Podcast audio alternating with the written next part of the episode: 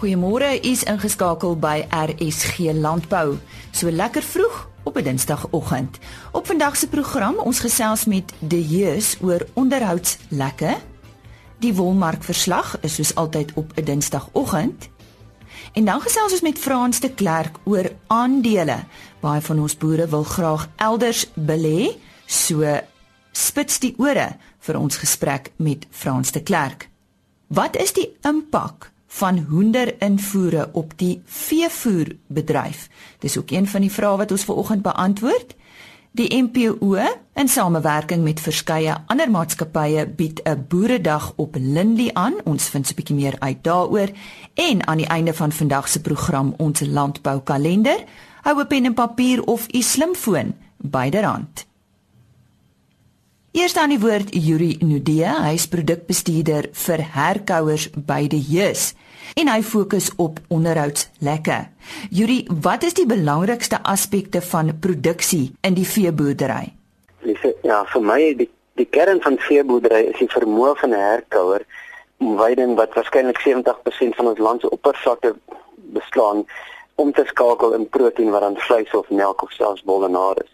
Nou herkouers kan dit doen deur deur 'n rumen of die groot pens wat as 'n fermentasietank funksioneer en dan met behulp van mikrobes word die ehm um, word die rifoer afgebreek tot benutbare voedingsstowwe.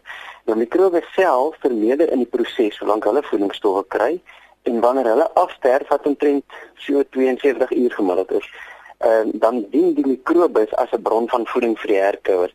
So die die vertrekpunt van produksie is altyd dan genoegsame rifoer wees Eerstens, tweedens die gesonde rumenwerking van die mikrobes en as hulle voldoende funksioneer en daar genoeg rifoor, dan kan ons intussen 60 en 90% van 'n dier se normale voedingsbehoeftes voorsien.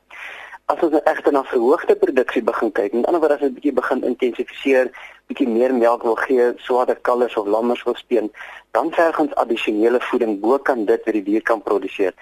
Nou die balansering van hierdie proses deur ehm um, die kennis van watter dier watter behoeftes het, dis vir my die belangrike aspek in veeboerdery om regtig ekonomies te kan boer. Maar hoe kan lekke gebruik word om vervangingsdiere te help om hulle teikengewig dan te bereik? Ek as vertrekpunt weer eens is is die basies die voldoende rifoer en 'n funksionele rumen is ons vertrekpunt en dan kan ons jong groei verder verhoog deur addisionele natuurlike proteïen te gee spesifieke aminosure te gebruik wat groei bevorder en 'n goeie balans tussen daai aminosure te te formuleer. Dan ook moet ons kyk na genoegsame energie asook die regte tipe energie. En dan is minerale, veral fosfaat ook redelik belangrik want dit vorm 'n groot deel van die beenstruktuur terwyl die dier die uh, groei. Ons moet versigtig wees uh byvoorbeeld vir hoë graanrantsoene wat vetneerlegging kan teweegbring want ons soek op 'n jong dier soek ons nie noodwendig vetneerlegging nie ons soek karkas en raamgroei want daai vetneerlegging kan nogal nadelig wees in terme van van reproduksie op jong diere vorentoe. Maar verduidelik vir ons waarom daar na die laaste 3 maande van die winter as doodmaak maande dan verwys word. Okay. En meeste van ons vee kom in die hoofveld van Suid-Afrika voor en tradisioneel kalf meeste van ons koeie in September. Nou 70% van 'n fetus groei vind in die laaste 3 maande van dragtigheid plaas wat dan natuurlik ooreenstem met die laaste 3 maande van winter. Nou die koeie se voedingsbehoeftes is met ander woorde nou op hulle hoogtepunt. Sy moet 'n kalf grootmaak, sy moet begin melk produseer en dit terwyl ons in 'n situasie is waar ons voedingswaarde en ons verteerbaarheid en ook die beskikbaarheid van ons veld of ons weiding in die somer reënvalstreek op sy laagste is. En indien ons nie addisionele voeding aan die diere kan voorsien in terme van ruskampe of oesreste of gebaalde rifoer of kuilvoer en of produksielekke nie, kan ons diere baie agteruit gaan in daai tyd. En dis hoekom ons maar verwys na die doodmaak maande. Dis regtig wanneer die koeie baie swaar trek. Yuri, maar wat kan gedoen word om dragtige koeie se kondisie te onderhou sodat hulle dan kan oorleef in hierdie tyd? Ok, ek ek dink dit is belangrik om eerstens weer eens die koeie se voedingsbehoeftes te ken en ek dink dit is regtig geleentheid. Ek vandag vir 'n luisteraar vra hoeveel proteïen moet 'n koe in nadragtigheid kry, hoeveel energie en hoeveel rifoer gaan min mense regtig kan antwoord. So ek dink dis 'n vertrekpunt. En dan moet ons dit balanseer met wat ook al beskikbaar is op plaas. En ek wat ons al ondervind het, dit is dit is baie keer meer sinvol om vroegtydig te begin met aanvulling vroeg in herfs om te voorsien dat daai dier nie te veel massa verloor deur die winter nie en dan te begin met produksie lekker in hy laaste maand of 2 voor kalftyd. Ehm um, indien nodig moet dit dan addisionele rifoerbronne uitsit. Ehm um, 'n interessante ding, jy weet, kruipvoer by gebruik by lammers is 'n baie gevestigde praktyk, maar nie by beeste nie. En ons het die laaste tyd begin kyk om byvoorbeeld ehm um, van 2 maande ouderdom af vir die kalvers kruipvoer te gee. Daai kalvers word baie vinniger ontwikkel, dit is baie ekonomies en dit haal baie druk van die koeie af wat die situasie ook kan verlig. So, dis miskien 'n ding wat mense nou kan kyk om om om bietjie te verlig, maar die algemeen moet ons addisionele voer aan daai diere gee. En uh, lakterende koeie se voedingsbehoeftes, hoe moet dit dan aangepas word? Wel, weer eens soos ons sê op daai stadium, dis noodsaaklik om goeie kwaliteit melk aan die kalvers te lewer en dit verg redelik voedingsstowwe. Ehm um, en en ons moet daai voedingsstowwe aan die koei voorsien om te seker te maak dat sy nie 'n liggaamsreserve gebruik om die kalf te voorsien nie. Dit is 'n wonderlike eienskap van 'n die dier, weet. Hulle sal eers sal ek vir 'n kalf sorg in terme van melk en en hulle sal dit in koste van eie liggaamskondisie doen. So dis dit hoekom dit baie belangrik is om in daai tyd, daai laaste 3 maande en ook daai eerste maand wat uh, 'n laktasie vir 'n koei te sorg. Want jy weet baie keer ons dink nou September wanneer die koeie kalf klink na lente, maar daar's gewoonlik bitter min weiding. Gewoonlik kom ons weiding eers middel November tot Desember. So verseker moet ons aanpas met die met die voeding in daai tyd. Yuri om jou af te sluit, hoe moet 'n goeie produksie lek lyk? Nou, weer eerstens, ek dink 'n goeie produksie lek uh, moet die mikrobes ondersteun. Met ander woorde, ons moet geklem lê op op nutriënte in 'n lek wat die mikrobes kos gee sodat hulle kan vermeerder um, om die rumen gesond te hou en op maksimum voordeel uit die beskikbare rifoerbron te kan benut. Dis die eerste plek. Tweedens moet ons kyk na goeie kwaliteit natuurlike proteïen en ons moet in hierdie tyd miskien bietjie wegbly van die goedkoper NPN bronne wat ons wat ons die wintermaande gebruik. En dan met die derde plek moet daar voldoende energie wees wat melkproduksie dryf. Melk word direk gedryf deur energie en ons moet seker maak daar is voldoende. En dan moet ons dit uit die aard van die saak balanseer met met goeie minerale en spoorminerale wat ook 'n groot deel van die van die melkproduksie en die en die groei en die onderhoud van die koei uitmaak. Ek het daar gesels met Yuri Nudee, produkbestuurder vir herkouers by De Hees. En nou die nuutste wolmark verslag aangebied deur Ursula Iman. Die wolmark het effens hoër verhandel en die Cape Wool's Merino aanwyser het met 'n indrukwekkende 2% gestyg. Die aanwyser het teen 'n waarde van R162.56 per kilogram vir skoon wol gesluit. Op die Australiese mark was die aanwyser 2,2% hoër, terwyl die Cape Wool's alle wol aanwyser met 2,8% gestyg het. Die wolmark het uitstekend presteer en prysstygings is ondervind oor al die tipes. Daar was goeie mededinging vir elke lot. Dit was gedryf deur die mark se besorgdheid oor die beperkte voorraad wol wat aangebied is. Altesaam 98,3% van die 12860 bale wat op die veiling aangebied is, is verkoop. Die gemiddelde skoonwolpryse vir die seleksie binne die verskillende mikron kategorieë, goeie lang kambol tipes, was soos volg: 18 mikron neem toe met 3,3% en sluit teen R197,61 per kilogram. 18,5 mikron neem toe met 3,4% en sluit teen R197,75 per kilogram. 19 mikron styg met 3,2% en sluit teen R183,67 per kilogram. 19,5 mikron neem toe met 2,1% en sluit teen R173,07 per kilogram. 20 mikron verhoog met 1,8% en sluit teen R158,26 per kilogram. 20,5 mikron verhandel 1,8% hoër en sluit teen R149,54 per kilogram. 21 mikron neem toe met 1,8% en sluit op R146,16 per kilogram. 21,5 mikron verhandel 1,5% hoër en sluit op R143,40 per kilogram. 22 mikron verhandel 0,7% hoër om te sluit teen R142,86 per kilogram. En laastens 22,5 mikron neem toe met 0,5% en sluit teen R142,90 per kilogram. Die volgende veiling is geskeduleer vir 8 Maart wanneer sowat 7700 bale aangebied word. En dit was dan Ursula Iman met die wolmark verslag. Volgende ons gesprek met Frans de Klerk, die onafhanklike tegniese analis. Ja, dankie Lize. Um, ek kry baie keer navraag van boere wat baie keer wil wegdiversifiseer van suiwer net landbou.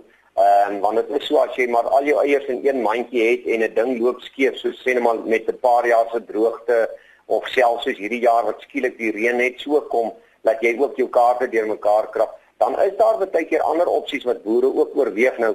Ons weet boere is oor die algemeen baie lief vir eiendom.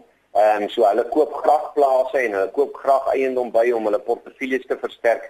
Maar uit 'n aandele oogpunt uit kyk baie van die boere baie keer na die top 40 indeks en dan belê hulle miskien in 'n effekte effekte trust soos 'n Coronation Top 40 of 'n Sanlam Value Fund of 'n Old Mutual. Enige een van daardie sterk effekte trust fondse is gewoonlik maar swaar belê in die top 40 indeks veral as dit 'n gebalanseerde fonds is of as dit 'n fonds is wat die Suid-Afrikaanse mark navolg. Nou met gister se begroting wat afgehandel is, het dividende ewe skielik weer ter sprake gekom en nou sal boere dadelik vra Maar is die top 40 nog steeds 'n plek waar ek kan my geld belê? Het sy deur die effekte trust, het sy deur 'n Satrix 40 of 'n Satrix Divi? Dan kan 'n mens vir jouself sê ja, aandele is oor die langtermyn altyd 'n goeie belegging, maar nou wil ek vir boere sê ek dink op die oomblik is kontant amper koning bo 'n langtermynbelegging in die beurs mits jy nie omgee om elke maand net te belê nie want baie boere belê ongeag wat sê nou maar hulle melk check of wat ook al belê hulle gereeld in so 'n fonds. Nou hoekom ek sê op die oomblik verkies ek 'n bietjie kontant want die top 40 indeks wat al hierdie fondse maar eintlik navolg beginne waarskuwingstekens gee. En die belangrikste waarskuwing wat hy vanoggend vir die boere deurgee is dat ons indeks begin nou weer onder die ou bekende 200 dae bewegende gemiddelde konsolideer. Nou 'n 200 dae bewegende gemiddelde gebruik nie net tegniese beleggers nie, maar ook fundamentele fondsbestuurders. Hulle is lief om na hom te kyk en hulle sê altyd vir hulle self as die fondse of die top 40 indeks onder hierdie 40 of 200 dae bewegende gemiddelde beweeg, dan is dit tyd om 'n bietjie op die kant te sit en miskien blootstelling selfs te verminder. Nou die belangrike vlak en ek wil hom nou vir die boere vanmôre gee, is 4 5 45339. Terwyl die top 40 indeks onder 45339 beweeg, is dit beslis 'n beter opsie om kontant te hou en te wag dat die top 40 indeks eers behoorlike korreksie gee. En hoekom ek nou vanmôre ook die top 40 wil uitnoem, uitwys is onthou die Dow Jones is vir 15 agtereenvolgende weke nou op 'n situasie waar hy amper elke week 'n nuwe hoogtepunt maak en die indikators gestrek is. Nou wanneer ek sê die indikators is gestrek, dan beteken dit dat die Dow Jones baie maklik onder verkoopdruk kan deurloop en 'n korreksie gee. En as die Dow Jones 'n korreksie gaan gee van miskien 1000 punte, dan kan ons baie maklik kry dat die top 40 terugskuif hier na hierdie 42000 42500 dis amper 2000 punte hiervanaf en ek dink dan kan ons miskien eers nader staan. So op die oomblik, hou jou geld vas en kom ons kyk dat die indeks eers ons bekans gee en dan koop ons eers weer in. Die stem daarvan Frans de Klerk. Sy e-posadres fdk@telkomsa.net. fdk vir Frans de Klerk by telkomsa.net. Om meer uit te vind oor die maartuitgawe van Veeplaas, Albert Loubser. Die maartuitgawe is elke jaar 'n besonderse uitgawe en vir die afgelope 7 jaar gaan dit altyd saam met 'n Bonsmara bees op die voorblad omdat Maart ook die maand is waarin die Bonsmara hulle rooi geleentheid het. Hierdie jaar is dit egter meer besonder as dit. Weer is daar 'n Bonsmara op die voorblad en weer is dit in ondersteuning van die rooi geleentheid wat in Maart plaasvind, maar ook is daar 'n bylaag hierdie uitgawe in Veeplaas wat die heel eerste volwaardige ras tydskrif is van enige ras, naamlik die rooi ras wat nou die die naam van die van die tydskrif is. En ek dink uh, lesers maak nie saak van watter ras jy mee boer nie gaan die tydskrif geniet. Dit is 'n redelike omvangryke dekking van die van die ras. En ek dink 'n uh, wonderlike eerste poging deur die veeplaspan in samewerking met die Bonsmara Genootskap. Uh, die hoofartikel in hierdie uitgawe gaan oor bedryfsregulering regulering. Nou dis een van daardie onderwerpe wat op die opsigwaarde baie oninteressant klink maar 'n enorme invloed het op die ou ende op die winsgewendheid van ons bedryf bedryf op die ou ende en ons kyk 'n bietjie wat is die stand van bedryfsregulering in Suid-Afrika. Dan is daar ook in die algemene afdeling 'n baie interessante artikel oor Zimbabwe wat besig is om veekudde te te herbou. Dink dit wat wat Zimbabwe en Zimbabwe se veeboere deur is die afgelope paar jaar is 'n uh, is is is is 'n groot uitdaging in terme van dit wat wat die gemiddelde veeboer gewoond is om om te hanteer en dis 'n baie interessante artikel en 'n baie groot rede tot dankbaarheid vir wat ons in Suid-Afrika het het. Dan is daar ook 'n baie goeie besoekartikel wat om Andrius Gous geskryf het wat gaan oor uh, Dirk en David Lou se kleinveeboerdery in die suide van Namibië en uh, met 'n baie sterk titel wat sê die diversifikasie klop risiko's en ek dink as ons nou kyk na die afgelope droogte dan is daar geen twyfel hoe belangrik diversifikasie is om risikoverspreiding te doen nie.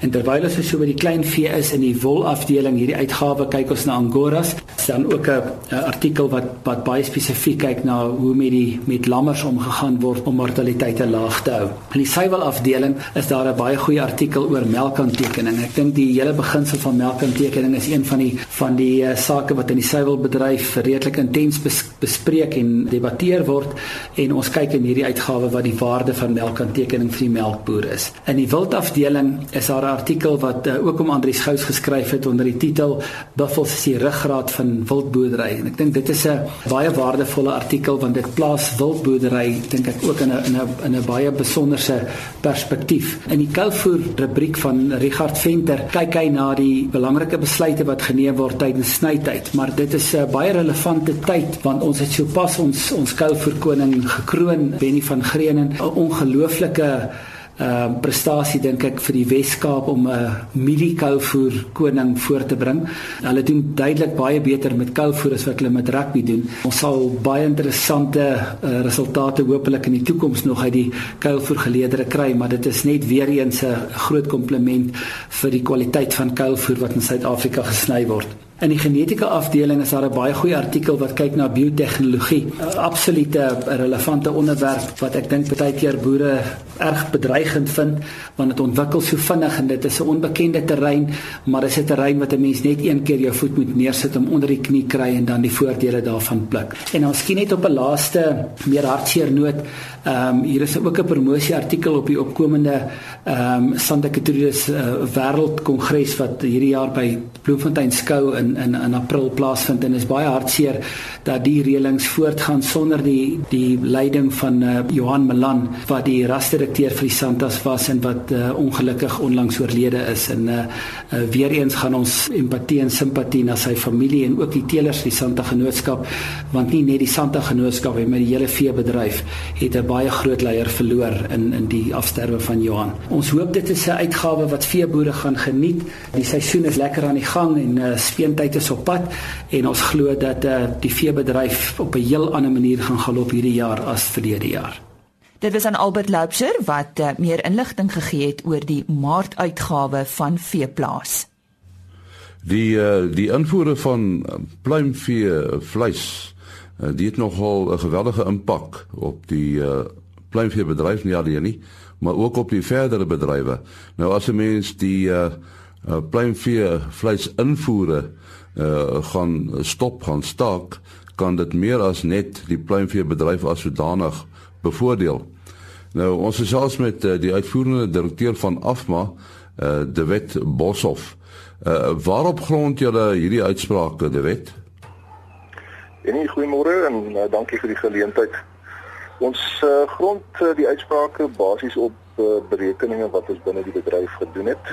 Uh, in terme van ekwivalent uh, voere wat die invoere van hoender vervang basies uh as hoendervleis inkom voer ons minder hoenders omdat daar minder hoenders moet plaaslik geproduseer word.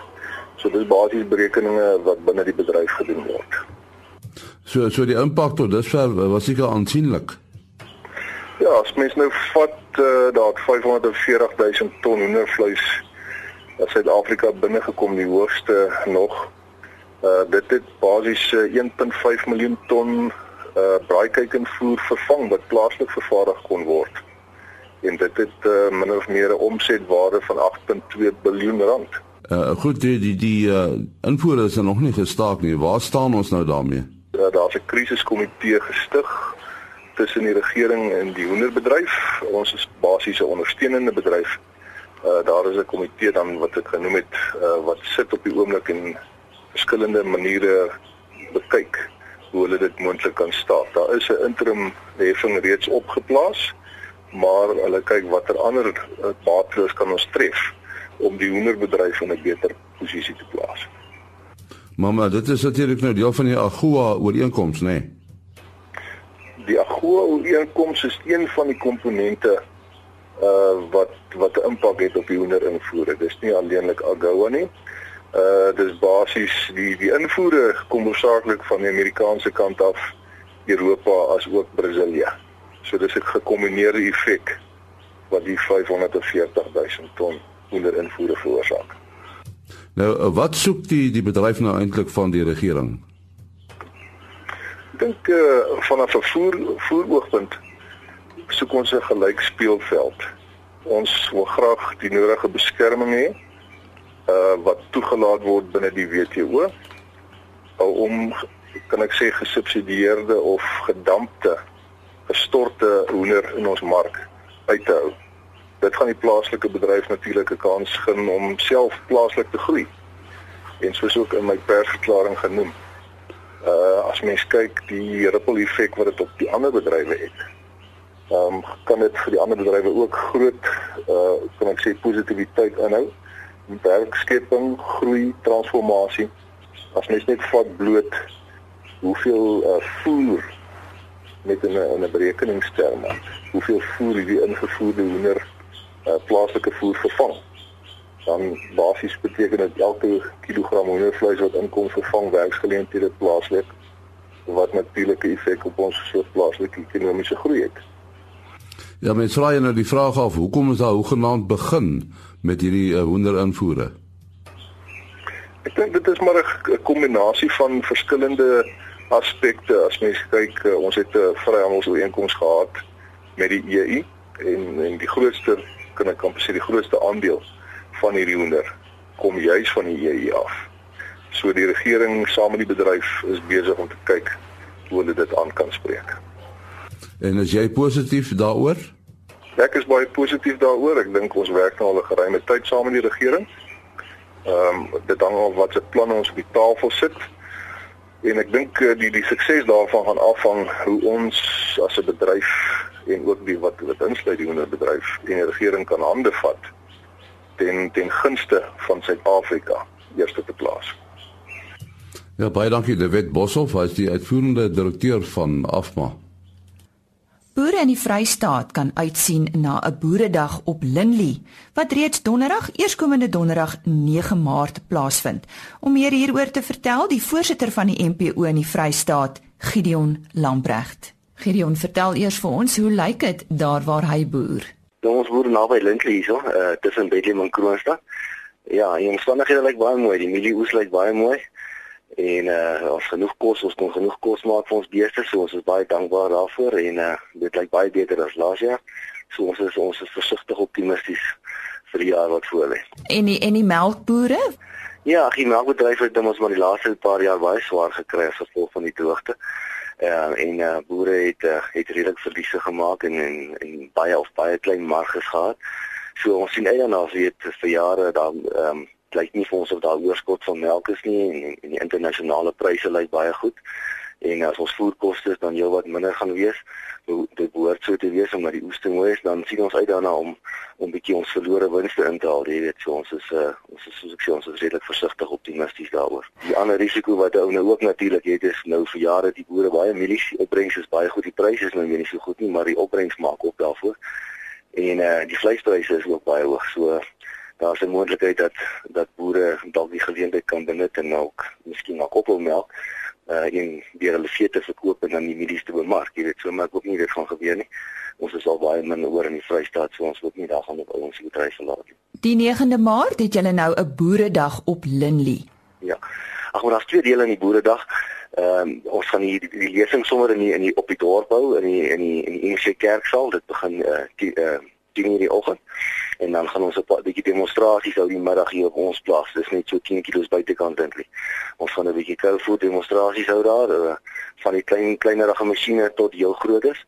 Ehm um, en ons het so 'n bietjie voedsel gaan proe wat uh, ek en my broer Casper hier op die plaas geplant het. Dis daar's agt verskillende voedselsorgings wat ons met mekaar vergelyk het. Ons het sommer die volgende paar goed vinnig vergelyk. Hulle smaaklikheid en hulle hergroei en dan die opbrengs en dan wil ons nog later wanneer ons dit kuivel gemaak het ook uh, die voedingswaarde daarvan probeer bepaal. So dis 'n interessante proef, dis maar net so so te loop vir die ouens wat die dag bywoon. Dit is dalk interessant wat hulle graag met met ons sou kom. Uh, die woordedag self is nou by dorp, die lesings wat ons daar en dit bestaan al uit twee bene. Ehm uh, dit is uh, Andre Diedriks. Hy gaan bietjie met ons gesels oor familiebesighede uh om landbou in die algemeen uh dis nie net vir melkbore nie is bestaan 'n groot persentasie van ons besighede bestaan uit familieondernemings. En uh, en daarom ons het ons hom goed gedink om hom daar te kry om 'n bietjie vir boere raad te gee hoe bestuur ou dit. Was baie keer drie generasies op die plaas en dit maak dit baie keer baie moeiliker ingewikkeld. En hy gaan ons 'n paar oplossings gee daarvoor Ehm um, hy was ons hy was self vir ons boerdery betrokke en dit het nogal 'n groot impak op ons boerdery gemaak. So ek dink boere sal baie kan baat van daarbey. En dan die tweede been is nou meer oor gaan netjie meer oor kouvoer. Met die demonstrasies en ons het vir ehm um, Richard Venter gekry. Hy is nou onlangs verkies as die voorsitter van Kouvoer SA en hy is ook 'n kouvoer konsultant en hy gaan bietjie met ons gesels oor oor kouvoer en hoe maak ou dit en al die praktiese wenke rondom dit. Hy was ook die afgelope paar jaar betrokke by die ehm um, kuilvoer kompetisie wat nasionaal aangebied word. So hy kan uh, baie waardevolle insette vir ons lewer en ek dink dit word baie interessant te wees om te hoor wat hy vir ons wil sê. Hoe laat begin dit Gideon? Uh 10:00 die oggend. En daar's 'n ligte middagete uh, wat verniet is. Uh, toegang is gratis. So ons wil regtig die boere aanmoedig om te kom. Uh dit behoort baie interessant te wees dink ek. En as ek nou deel daarvan wil wees, wat moet ek doen? Man op die stadium niks nie. Uh, ons het 'n uh, dit sal dalk vir ons goed wees as as julle vir ons vir die kan net laat weet dat julle dit wil bywoon. Ehm um, en ehm um, ehm um, dat ons net bietjie ons getalle reg het omdat dit nou gratis is en so aan. Dit is maar moeilik om te bepaal hoeveel mense dit gaan bywoon, maar almal is welkom. Ons is reg oop vir die gemeenskap en uh, enige belangstelling is is welkom. Dit was dan Gideon Lambregt en vir meer inligting e-pos gerus MPO Vrystaat by mpo.co.za. Dit is MPO Vrystaat by mpo.co.za of 083 276 4703. En uh, nou kyk ons na die landboukalender. Van die 8ste tot die 9de Maart vind die Cattlemen's Conference plaas. Dit vind plaas by die Birchwood Hotel, die OR Tambo Konferensiesentrum in Boksburg. Op die 16de Maart is die uh, rooi vleis werkswinkel wat aangebied word deur die LNR van Pretoria. Op die 15de tot die 16de Maart vind die NWKV Vrystaat Kongres plaas op Brandfort in die Vrystaat. En op die 19de tot die 21ste Maart vind die jeugskou plaas. Dit is in die Weskaap en dit is in George. Tot sover dan die landboukalender. Fluit fluit ons storie is uit vir vandag. U kan weer môreoggend inskakel. Kom ons vertel vir u wat is dan op die program. Ons gesels met Jannie de Villiers oor hulle grondhervormingsproses wat lank reeds sukses toon. Ons praat ook oor garsproduksie in Suid-Afrika. En Ceres vertel ons van hulle variëteite wat hulle tans aanplant. Dit is van die onderhoude môreoggend. Ons sien uit om weer saam met u te kuier. Totsiens. RSG Landbou is 'n produksie van Blast Publishing. Produksieregisseur Henny Maas. Aanbieding Lisa Roberts. En uitskoördineerder Martie Kerstyn.